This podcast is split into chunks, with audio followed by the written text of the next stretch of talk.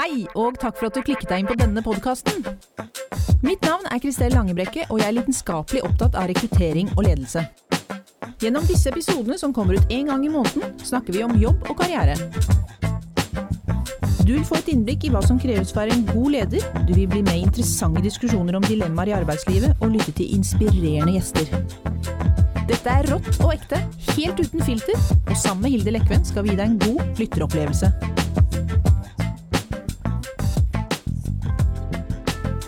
Yes, Da er vi i gang med vår femte og siste episode før sommeren, som skal handle om entreprenørskap. Og hvem andre kunne vi invitere til en episode om entreprenørskap enn våre hovedeiere og superserier, gründere Christian og Roger Adolfsen? Ja, Kristel, Seriegründere er jo et velkjent begrep, men superseriegründere det er et ord vi har funnet på i dag. Um, for det Christian og Roger har skapt, det overgår jo veldig mye av det seriegründere eh, har gjort. Så derfor superseriegründere. Vær så god, Christian og Roger. Nytt ord til dere. Ja, takk. Kommer inn i ordboka nesten. Ja. Gleder meg. Eh, Otiga Group og personalhuset som eh, vi jobber i, er en del av Adolfsen-familien, som består av en rekke konserner og selskaper med til sammen 23 000 ansatte og en omsetning på litt over 13 milliarder kroner. Så i dag så skal vi ta deg med bak fasaden til disse to spennende entreprenørene. Og I tillegg til å høre Christian og Rogers historie blir det gode råd til andre gründere, og til deg som har en gründer i magen. Yes, men eh, først litt reklame, nå som ferien står for døren. Det siste selskapet i Otiga Group eh, det er en skikkelig startup. Eh, og den heter Lege på nett fra Agito. Det er jo typisk å bli syk i ferien. Det skjer i hvert fall ofte med meg. Så trenger du å snakke med en norsk lege mens du er på ferie, eller vil du slippe køen på legevakten, eller har fastlegen din tatt ferie, da råder jeg deg til å laste ned appen Lege på nett fra Agito. Gjør det med en gang, så har du den klar om uhellet skulle være ute. Du, eh, Tror du jeg kunne bli sånn reklamestemme? Ja, det tror jeg. Ja, for det vi har fått mest skryt av i denne podkasten, det er jo stemmene våre, og ikke innholdet. Og det skal vi gjøre noe med i dag. Og Noe av det mest imponerende med reisen deres Christian og Roger, det er sett utenifra at dere ikke nødvendigvis eh, er blitt verdensmestere på én nisje eller ett marked. Men dere har skapt arbeidsplasser innenfor mange bransjer.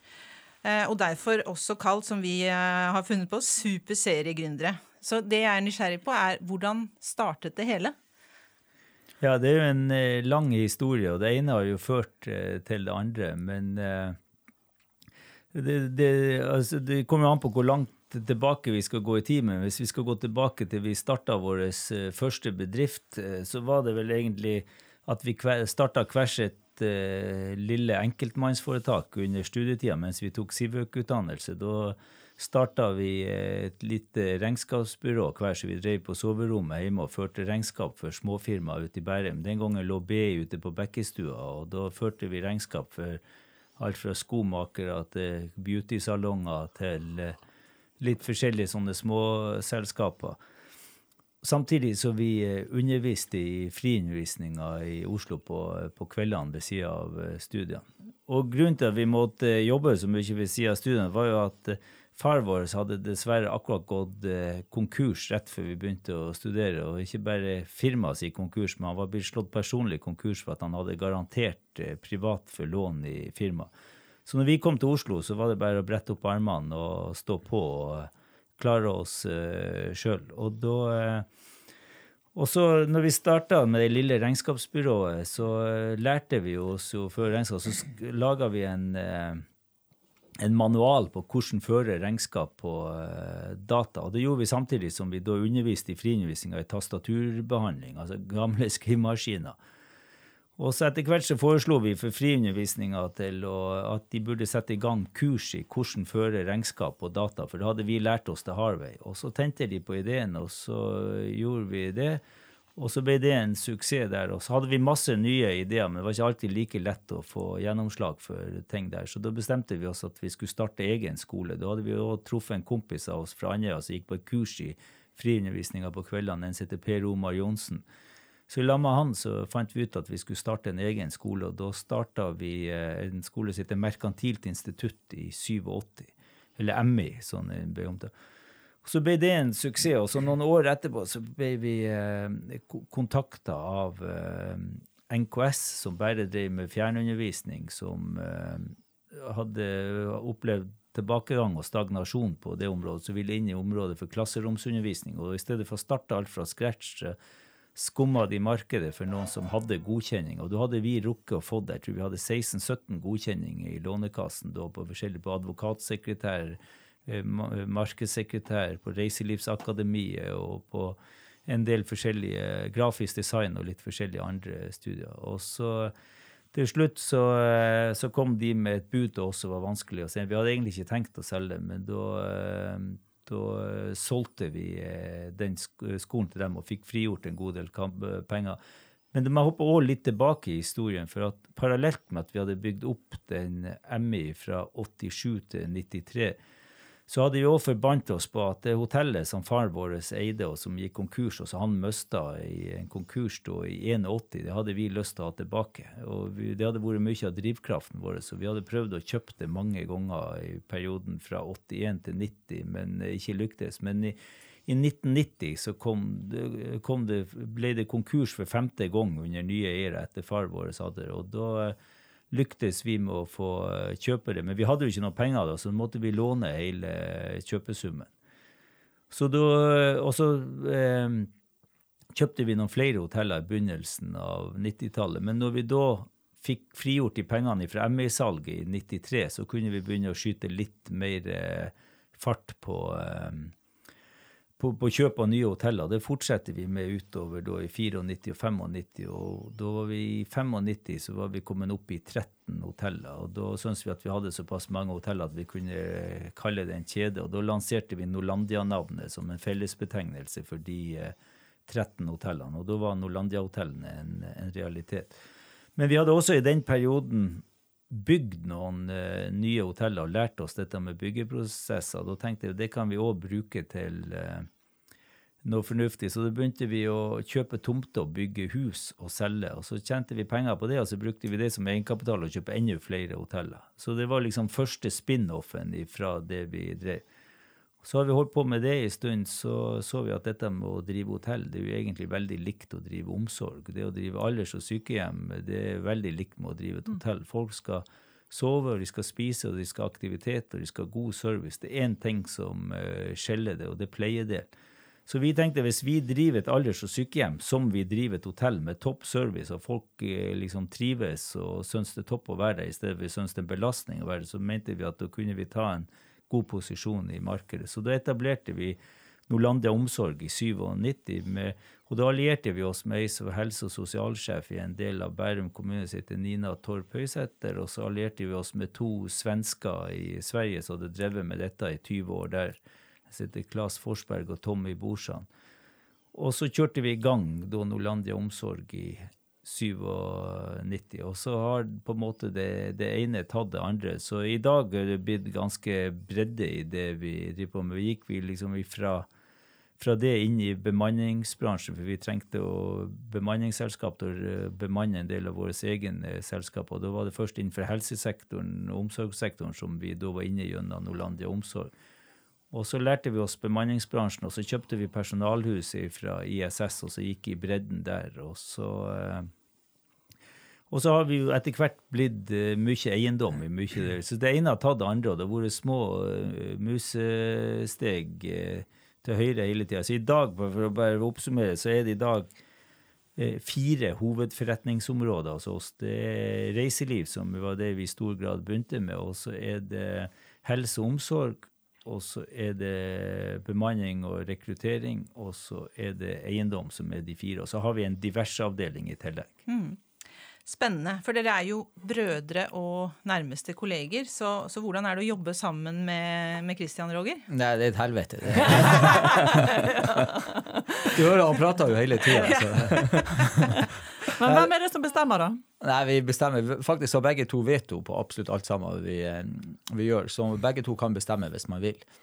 Så vi, eh, det er sikkert sånn 50-50 på hvem som eh, tar Jeg bruker kanskje veto litt oftere enn en han på ting. Men, men vi funker. Vi, vi, har aldri noen diskusjoner om ting. At vi, Klang, krangler dere aldri, eller er aldri uenige? Nei, eller? vi krangla vel sist i 84, og det var om hvem som skulle låne bilen til fatter'n hjemme på sommeren. Så etter det har ikke vi krangla. eh. Men dere har vel ulike styrker, eller? Ja, vi er ganske forskjellige som, ja. som personer eh, på det. Så du hører jo han liker jo å prate lenge, mens jeg prater kanskje litt grann kortere. Og så eh, er vi Men det, det detter litt naturlig òg hvem som gjør hva, for alt etter hvem som eh, griper tak i de forskjellige tingene ut fra interessene og så, og så videre. Så jeg bruker kanskje litt mer tid på eiendom enn han eh, Kristian. Han bruker mer tid på helse og omsorg og det enn meg. Så, så det, det, det faller seg naturlig, bare hvem som tar tak i de forskjellige tingene. Så man kan si at dere er en skikkelig superduo. ja, jeg kan kanskje si det. Um, og dette, altså Entreprenørskap det handler jo om, om flere ting. Um, så da lurer jeg litt på om hva har vært liksom deres største eh, driver til suksess? Har dere alltid hatt på en måte mindset om å gjøre noe så stort som det dere har skapt? Nei, vi, eh, når eh, vi var i USA og studerte, og når jeg var i USA, så skrev jeg en businessplan for vi skulle starte opp. Når jeg kom tilbake fra USA, så starta vi opp eh, for, helt for oss sjøl 1. august i, i 1990. Og da hadde jeg med meg en businessplan fra USA som vi skulle følge. og Der sto det at vi skulle kun drive med prosjekter, og vi skulle nesten ikke ansatt i det hele tatt. Så vi har ikke vært så veldig flinke til å følge den, den planen der. På, men det var planen da. Men det som var drivkrafta vår, det er jo å, å skape ting. og mm, og rett og slett vokse selskapet og eh, utvikle det og få fornøyde ansatte og få fornøyde kunder. og eh, Det er det vi liker å, å skape. Og- Og så kan man si, så var jo En av drivkrafta selvfølgelig helt i starten var jo å få kjøpt tilbake det der hotellet som fatter'n eh, Ja, løste. For det lurte jeg på, Var det liksom eh, det å drive hotell som var drivkraften, å bygge opp noe, eller var det liksom å få tilbake det, Det var som var tapt? gjenopprette familieeiere ja, ja. på et like, i et lite lokalsamfunn. Ja, ja. det. Men, men jeg og Roger jo alltid visste fra vi var bitte små at vi skulle drive for oss sjøl. Selv om vi både tok Sivøk-utdannelse i Norge og en MBA i USA og tok god utdannelse, sånn som mange gründere kanskje ikke syns er så viktig, så har vi alltid vært opptatt av å ha god utdannelse som ballast. Men vi har alltid visst fra vi var bitte små at vi skulle drive for oss sjøl. For det er litt i kulturen i familien vår, som alltid fra onkler og tanter. Altså, mor vår drev en liten frisørsalong, og pappa drev da hotell- og radio- og TV-forretning ved sida at han var administrerende i Andøya rakettskytterfelt. Og uh, morfaren vår drev et, drev et lite malerfirma, og farfaren vår drev et lite rørleggerfirma, og onkelen vår drev bokhandel, og tanta vår kolonialbutikk. Så, så i vår familie så var, det, var vi ikke ala opp om å få oss en fast jobb i det offentlige for å ha en sikker jobb. Vi, vi var liksom motivert fra fattern fra vi var bitte små til å liksom tenke business og uh, Jeg ble motivert både til å ta utdannelse og uh, tenke å få opp lysta for å drive noe eget. En skikkelig entreprenørfamilie. Ja, så det er klart at fattern har vært veldig Vi, vi arva ingen penger fra han, eh, pappa, for han mista alt før vi kom i gang. Men vi har arva mange gode læresetninger fra han, så det er klart han har vært veldig viktig for oss i, eh, i denne oppbygginga. Han lærte oss ganske tidlig når vi var bitte små, at eh, nei er ikke svar, det er bare en form for eh, utsettelse. Og hadde sånn familielogo med sånn 'never ever give up', og det var liksom alltid var sånn det aldri oppstå opp, stå på, ha mål og jobbe for å nå de. Det er det, det vi eh, oppvekst med fra vi var små drittunger. Så, og det, det er klart det har vært viktig for oss. Hvordan setter dere dere mål? Vi, vi er på eh, ferie på Tanumstrand om sommeren, og da sitter vi og snakker litt om de neste tolv måneder. Så det er et sånn egentlig rullerende tolv måneder frem i tid. Vi har et sommerkontor nede på Tanumstrand, og på, hele juli, så fra neste helga så sitter vi der nede og eh, jobber. Og da er det kun vi to i lag, så da får vi sitte og koke lurer alene, og ingen som plager oss og får tenkt gjennom ting. har dere noen spennende planer på gang nå, da? Det er hele tida noe, noe spennende. Men det er klart vi skal jo konsolidere litt også underveis, så det, det skal også gjøres. Men du, jeg tenkte på det med at vi hører jo veldig sånn, ofte sånn utsagn som at de fleste gründere er mislykket. Så ifølge SSB så er det bare 30% av de eh, nyetablerte firmaene som fremdeles er aktive etter fem år. Um, uh, og det er jo mange spørsmål vi kan stille til dere rundt det. Men det første er, har dere mislykkes noen gang?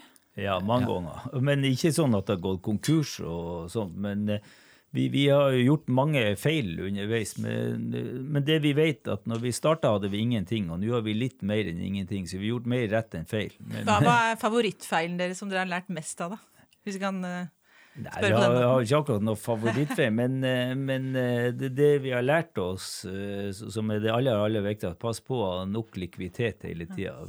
Cash, cash, cash. Det trengs alltid mer penger enn du, du tror.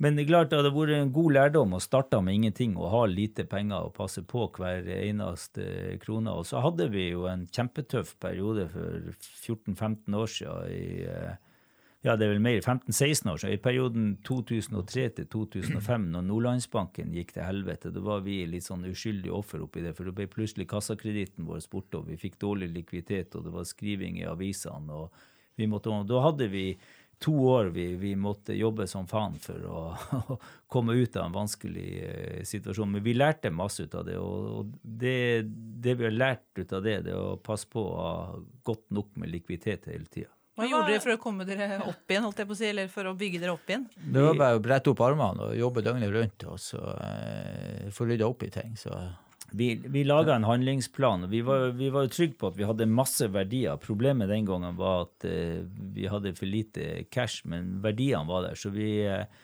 vi, begynte å jobbe med å selge unna noen ting som vi visste kunne frigjøre mye penger. Men det er klart det hadde vært skriverier i avisen så det var litt sånn der å selge høns i, i regnvær. Folk var klar over at vi hadde Så det var, var en tøff periode, men veldig lærerik. så uh, som du ikke lærer på skole. Så det vi var gjennom der, det har nok prega mye av og så er vi blitt mer forsiktige etterpå. Kalkulert risiko. Ja. ja. Men samtidig som eh, gründer så må du være forberedt til å ta en god del risiko. Hvis ikke så kommer du aldri i gang. Er du for forsiktig, så får du aldri starta opp. Og går det til helvete, så får man bare prøve på nytt igjen. Altså, det, eh, og så ja. ser vi oss aldri Bare vi har gjort en feil, så har vi gjort det. Det er ikke sånn at jeg bebreider Roger, eller Roger bebreider meg hvis jeg har vært pådriver på noe vi skal gjøre, eller han har vært pådriver på noe som vi skal gjøre. Når vi har gjort en feil, så vi, vi, vi, vi ser oss aldri bakover, vi ser kun fremover. og så tar vi de feilene vi har gjort som, som lærdom, og så prøver vi ikke å gjøre den samme feilen en gang til. Det, det er mer utilgivelig, men uh, å gjøre det én gang går greit. Men hvis jeg skal gi eh, ett råd hver da, til sånne gründere som sitter og hører på, hva nyetablerte, eller noen som går med en gründer i magen, hva, hva skal rådet være? Jeg ville sagt at av og til så bare lukk igjen øynene og hopp og ta risken på at uh, mm. ting går, går, bra. For du klarer aldri å forsikre deg om at alt går bra det en gang. Så om man har lyst til å starte opp, så må man bare gjøre det. Mm. Og så må du være superforsiktig med kostnadene i, begynnelsen. Og så ja, egentlig bestandig. Ja, men e- ekstra, ekstra. Begynner du å ha nok eh, likviditet, og så, og så, må du ha, stå på og være villig å jobbe de timene som det, det, det kreves. Det, det, å være gründer det er ikke noe åtte til fire-jobb. Du, du, må i perioder være innstilt på å jobbe døgnet rundt for, for det du tror. Ja, for gjør dere det? Fortell hvordan eh, dagene deres er, da. Eller livet. Ja, typisk. Har du et liv? ja. ja, vi har det jo utrolig spennende eh, på, jobb. Men det er klart, eh, mandag til torsdag så er det knallhard jobbing stort sett ifra vi står opp til vi legger oss. Og det er typisk en dag at vi kommer på kontoret om morgenen, og så er det å få på plass på to do-lista det skal gjøres i dag, og så begynner møteaktivitetene. Så er det stort sett møter og telefoner og mailer fra åtte-halv ni til fire-fem, og så er det gjerne et par timer fra fire-halv fem til seks-sju-tida med å få tatt unna telefoner og mailer igjen. Og så kjører vi ofte hjem og spiser, og så enten tar en treningstur, eller så er det rett på hjemmekontoret. Vi bare skifter kontor da, og så er det å sitte på kvelden eh, stort sett til vi legger oss og leser styrepapirer og gjør beregninger og leser prospekter og alt sånt. Så så mandag til torsdag så er det stort sett, bortsett hvis vi er på noen arrangementer eller et eller annet sånt, så er det stort sett eh, jobbing fra vi står opp til vi, eh, vi legger oss. Men da avbryter selvfølgelig av middag og, og litt trening. Når du sa det nå, så hørtes det jævla kjedelig ut. Men det er jo, vi holder på, altså Mange av møtene er jo artige, og eh, det er mye artig vi holder på med og borti når vi gjør jobben. Da. Hva er det mest spennende med jobben? Nei, Det er jo at det er veldig variert. Vi holder på, så En dag kan vi holde på med bemanning, en annen dag holde på med barnehager, en tredje dag med hotell, og fjerde dagen så skal vi bygge et uh, hus til noen skal bo i. Og så det, det, er så variert at du er borti alt mulig rart. Og så er det jo å få eh, smitte mellom de forskjellige. Altså at du får eh, hente, bruke erfaringer fra hotell kanskje inn mot sykehjem og barnehager og andre ting. Sånn at man får den erfaringsoverføringa mellom bransjene. Det er det som Roger sier, mye energi. Vi møter utrolig masse spennende folk. Så når vi sier vi jobber sånn fra mandag til torsdag, så tar vi litt roligere på fredag, og så ofte litt mindre jobbing i helgen, selvfølgelig. Og så eh, men, eh, men eh, vi, vi, får Vi møter utrolig masse interessante folk. Både de, i de selskapene vi har, men også mange nye folk. Så, så, det føles ikke som jobb. For oss er det en kombinasjon av jobb og en sosial greie og gir oss masse energi. Og vi får brukt kreativitet og alt sånn hele tida. Så, og det er Roger aldri kjedelig, for det er forskjellige fagområder alt hele tida. Men du, dere, jo, uh, dere må jo være i god form for å klare å holde tempoet oppe, da. Og så har dere jo et ekstremt konkurranseinstinkt, uh, tror jeg. Og så har dere konkurrert i forskjellige idrettsgrener opp gjennom årene. Hvem, hvem er det som er sprekest, og hvem er det som pleier å vinne? Eller, Nei, vi, vi, har egentlig ikke sånn eh, konkurranse oss imellom på, på, det. Vi trener akkurat i øyeblikket, så er nok han Roger litt bedre form enn uh, en meg. Men, for jeg hadde vondt i akilles nå, så jeg har ikke fått sprunget så mye siste året. Men, uh, men sånn, egentlig ser vi sånn noenlunde samme form normalt. Men og vi har ikke hatt så mye konkurranse imellom. For når vi vokste opp og var med i idrett, og sånn var unger, så var vi i forskjellige aldersklasser. Så det eneste... Jeg passa meg på, når Hvis han hadde en eh, rekord så passer jeg på å se den litt grann, tre år etterpå. sånn at... Ja, er et visst konkurranseelement i det. Ja, ikke, ikke, når vi er på samme året, men kanskje litt etterpå. Jeg hadde, jeg hadde kretsrekorden i høyde da jeg var 14 år, på 1,50. og Den sto i tre år til han Roger ble 14 år, og da hoppa han 1,51. Den... men Christian, jeg hørte at du var med i halvmaraton i 2011. Ja. Fortell, hva skjedde da? Nei, etter 14 eh, km så, eh, så datt jeg om. Og jeg var faktisk eh, stein død i ti minutter, for jeg fikk hjertestans. Men så hadde jeg superflaks at det var to jenter som kom rett bak i meg som så at jeg datt om. Og ene jobba i AMK-sentralen i politiet, og andre var fysioterapeut. Og så kom det etter hvert også ei som var sykepleier til. Og de eh, tok jo action med en gang. Og hun som jobba i AMK-sentralen, hun hadde eh, telefonen med seg når hun sprang, så hun ringte jo da til AMK-sentralen og fikk en eh, ambulanse til å komme. Men det som var flaks, at hun fikk en eh, motorsykkelambulanse til å komme, som kom forbi alle sperringer, og som hadde hjertestarter i, i sideveska. Så de fikk jo gjenoppliva meg etter uh, ti minutter. Men jeg våkna jo ikke for fire døgn etterpå. For, Såpass? Ja, for de, de, de, fikk hjertet til å begynne å slå igjen, men uh, jeg slo ikke opp øynene. For, for jeg begynte å våkne så vidt dagen etterpå, men da kjørte de meg i kunstig koma. Så, så, jeg lå i koma i, uh, i, fire døgn, og så våkna jeg opp da onsdags kveld. Det skjedde på en søndag. og Torsdag var jeg litt urven, og fredag følte jeg meg helt fin igjen. Det var akkurat som å ta ut sikringa og sette inn igjen. Og det jeg bruker å si etterpå, det var egentlig bra at jeg forblei død, for det hadde jeg egentlig ikke tid til.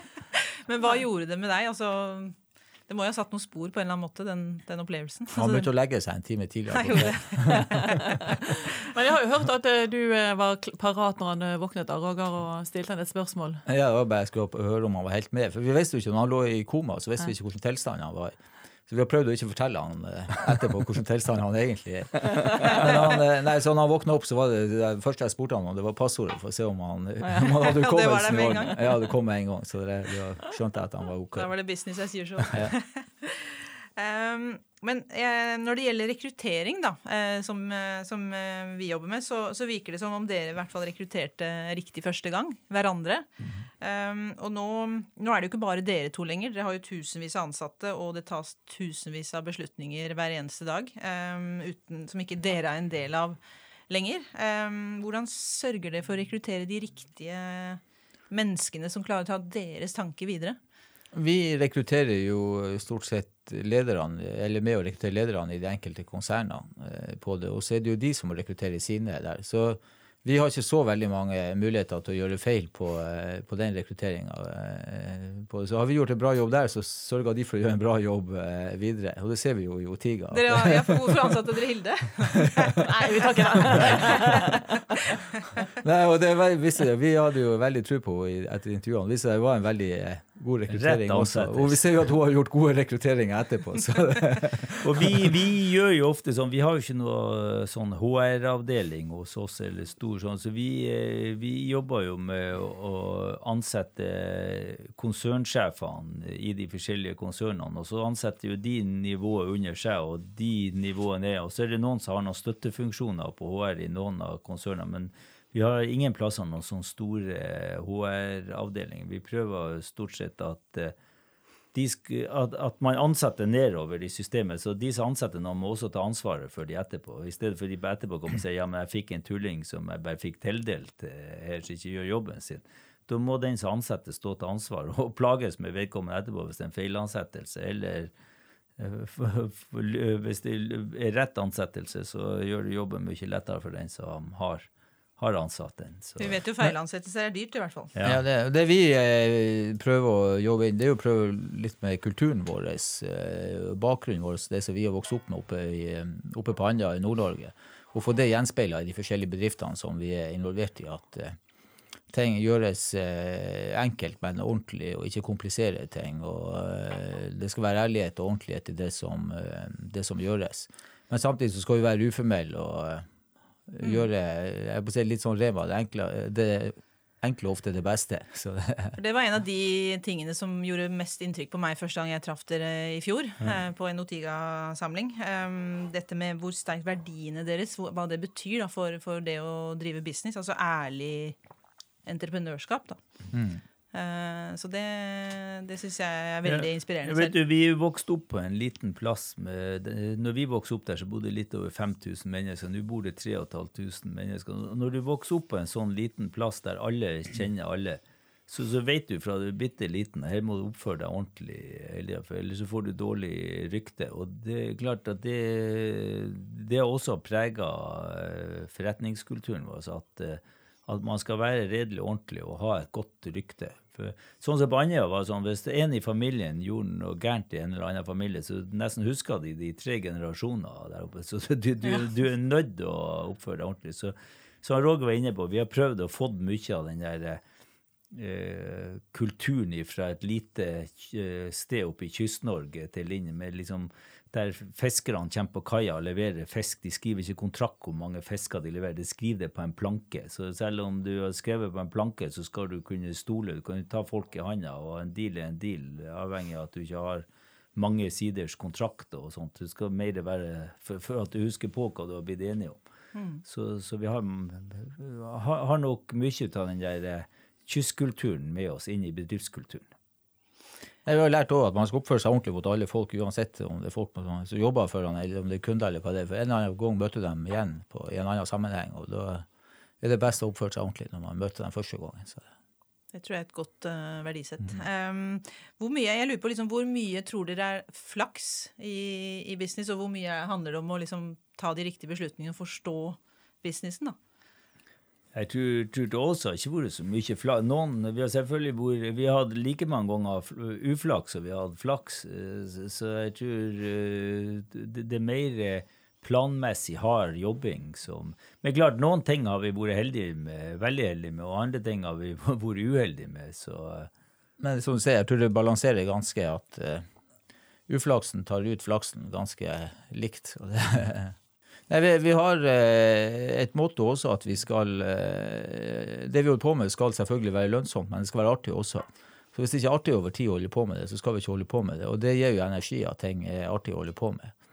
Og så når det gjelder sånn eh, fysisk, for å klare å henge med, så uh, trener vi litt. I hvert fall fra vi var 47, begynte vi vel å trene begge to. så vi holdt opp ifra, Aldri for sent. Nei, vi holdt opp fra vi var 20. Vi drev ganske mye med idrett når vi var unge, men så slutta vi vel når vi var 18-20 år, og så begynte vi igjen begge to når vi var 47. Så holde oss i, i litt form, og det blir vel sikkert viktigere og viktigere etter hvert som årene går. Men, men det at du har det artig og eh, holder på, det gir utrolig masse energi. Hva er det som eh, inspirerer dere mest, da? Aller mest? Hvor henter dere mest inspirasjon fra? Jeg vet ikke hva vi skal si som eh, altså, det, Altså, driv, hvis du sier drivkraften litt, det er jo mye det der å, å sette seg et mål og jobbe steinhardt for å nå det, og gjøre det bedre enn du gjorde året før. Og det er litt sånn som det samme vi bruker i idrett, enten vi trener om sommeren og, eller sprenger 10 km eller halvmaraton, så, så konkurrerer vi ikke så mye mot andre. Vi Nei, for har vi tapt. Ja, så vi, vi konkurrerer mot oss sjøl. Vi setter oss mål, gjerne å prøve å forbedre i forhold til året før. Og det samme er det i business. Vi, vi eh, setter opp eh, mål for det året som kommer, og hvordan vi skal. Og da er, og da er de målene ofte å innbefatte av det å slå året før. Men vi har også en del andre indikatorer enn bare de økonomiske. Det går jo på trivsel på arbeidsplassen, og vi, vi kjører jo, det vet jo dere, vi kjører jo medarbeiderundersøkelser og sånn, så, så det, det, vi har ikke bare sånn mål i kroner og øre, men også i, i andre softe faktorer. Men inspirasjonen, i hvert fall for min del, så henter jeg jo mye inspirasjon om å ifra å lese biografier om andre som har gjort det bra, og som er sånne eh, st- storkanoner som eh, Når jeg leser Og det, det er så artig å lese, det er at nesten alle, uten unntak, har vært gjennom tøffe tider en eller annen gang, og så står de på og jobber seg gjennom det. Så det, det, er ikke noe uvanlig å ha hatt en kjempetøff periode. Så, så biografier er veldig Og så leser jeg jo mye sånn der eh, selvfølgelig magasiner og sånt om, eh, og på nett om folk som, som gjør det bra. Så det er ingenting som er så inspirerende som å lese om andre som har gjort det superbra. Takk. Eh, ok, folkens. Vi er straks ferdige. Vi har snakket om mye spennende i dag. eh, Og nå har vi hørt mye fra Roger og Kristian sitt perspektiv. Og før vi runder av, så er det sikkert noen som lurer på hvordan det er å være leder i et av selskapene deres. Hilde? Ja. Det er jo alltid spennende å, å begynne i ny jobb, og man hører jo alltid litt rykter om hvordan det er på arbeidsplasser man skal begynne på, da. og jeg hadde jo hørt at du, Roger, var en jævel. Jævel! jævel! på, på å utfordre eh, på resultater og sånn, da. Men eh, nå har jeg jo jobbet for dere i, i to år, og det har jo stort sett bare vært gøy. Eh, det har jo vært utfordrende og inspirerende òg. Og, og ikke minst lærerik. Jeg sa det akkurat til deg i går, eller på fredag, Kristin, at jeg tror jeg har lært mer de to siste årene enn jeg har gjort de ti siste årene til sammen. Så um, og så er dere ja, aktive eiere i styret vårt, men utover det så er det litt som dere sier også, at vi som konsernsjefer har jo stor frihet til å lede konsernet vårt på, på vår måte. Ehm, Så lenge du leverer tallene. ja. så det er den der jævel jeg gruer meg til, da. Når han skal dukke opp. Men heldigvis har vi klart å unngå det til nå. Um, uh, men så det som er utrolig bra med dere, da, uh, når vi møter dere, det er jo at dere alltid bare ser muligheter. Um, og at dere alltid har en god løsning på, på forskjellige ting. Og så, uh, så, men så er dere skikkelig, Dere ligner litt på bergensere, da.